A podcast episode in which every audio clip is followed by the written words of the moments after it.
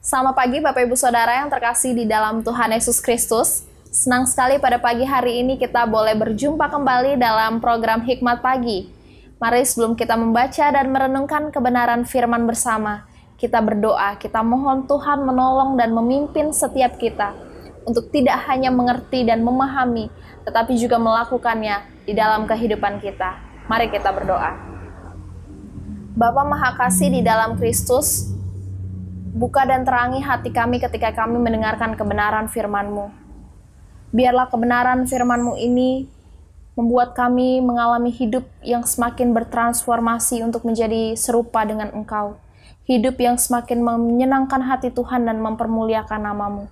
Terima kasih Bapak yang baik. Terpujilah namamu demi Kristus kami berdoa. Amin.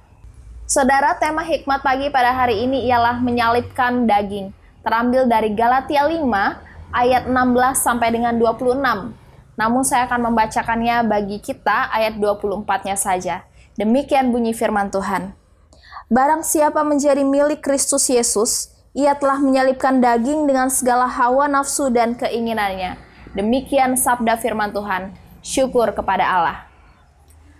Saudara sekalian, Rasul Paulus dalam Galatia 5 ayatnya yang ke-24 ini menegaskan bahwa orang-orang yang benar-benar menjadi milik Kristus, yang bukan hanya sekedar penampilannya saja ataupun dalam pengakuannya saja, melainkan dalam kesungguhan dan kebenarannya.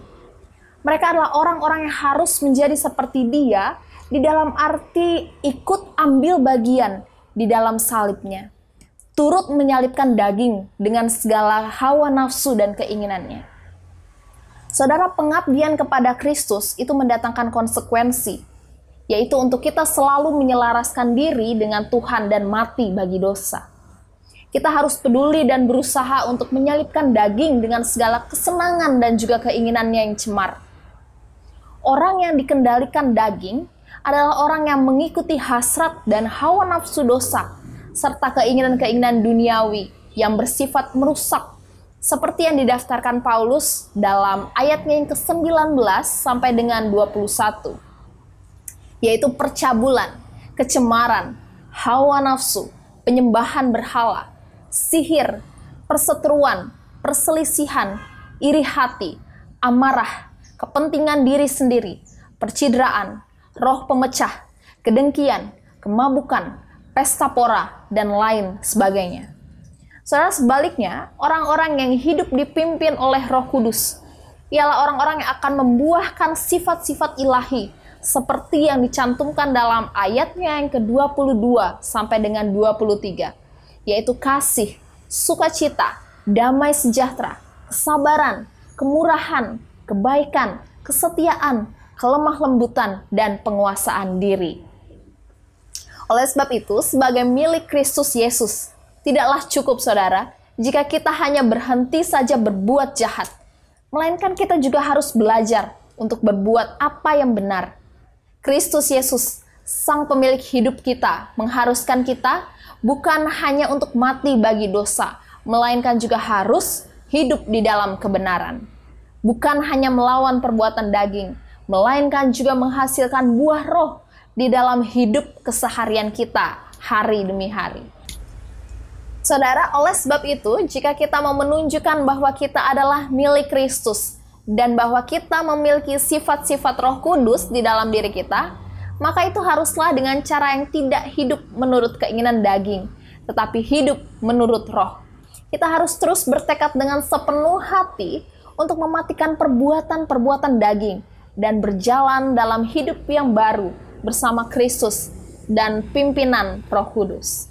Saudara, apabila orang percaya menaklukkan diri di bawah pimpinan Roh Kudus, maka ia akan mengalami perubahan secara radikal dan menghasilkan buah roh yang akan termanifestasi dalam kerukunan dan keharmonisan di antara saudara seiman. Maukah saudara dan saya menyerahkan diri kepadanya dan membiarkan ia bekerja di dalam hidup kita? Saudara hiduplah oleh roh, maka kita tidak akan menuruti keinginan daging. Amin. Mari kita berdoa. Bapak Maha Kasih di dalam Kristus, kami mengucap syukur Tuhan untuk kebenaran firman yang pada pagi hari ini boleh kami dengar. Hari ini kami diingatkan kembali bahwa ketika hidup kami dipimpin oleh kebenaran firman-Mu, kami membiarkan diri kami dipimpin oleh seluruh kehendak Tuhan, maka di sanalah kami akan memancarkan buah yang menjadi berkat bagi setiap orang yang melihat kami. Ketika mereka melihat kami, mereka melihat Kristus yang hidup di dalam kehidupan kami, yang memberi buah, yang memberi pertumbuhan di dalam hidup kami, sehingga kehidupan kami pun boleh menghasilkan buah yang lebat Tuhan, namun sering kali keinginan daging yang masih ada di dalam diri kami itu terus bergejolak, membuat kami jatuh bangun di dalam mengikuti Tuhan. Tuhan kiranya Engkau menolong setiap kami. Beri kami kekuatan untuk kami dapat mematikan dan melawan segala keinginan daging di dalam diri kami. Kami tahu ketika kami berjalan bersama dengan Tuhan, maka kami punya kuat, maka kami diberikan kemenangan untuk mematikan keinginan daging yang ada di dalam diri kami. Bapak yang baik, kami pada pagi hari ini juga berdoa menyerahkan seluruh kehidupan kami ke dalam tangan Tuhan.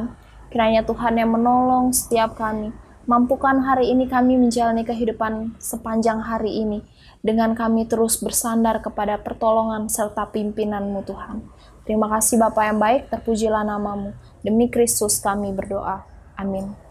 Saudara, selamat menjalani kehidupan sepanjang hari ini. Dan mari kita terus berproses untuk menghasilkan buah-buah yang lebat bagi kemuliaan nama Tuhan. God bless you.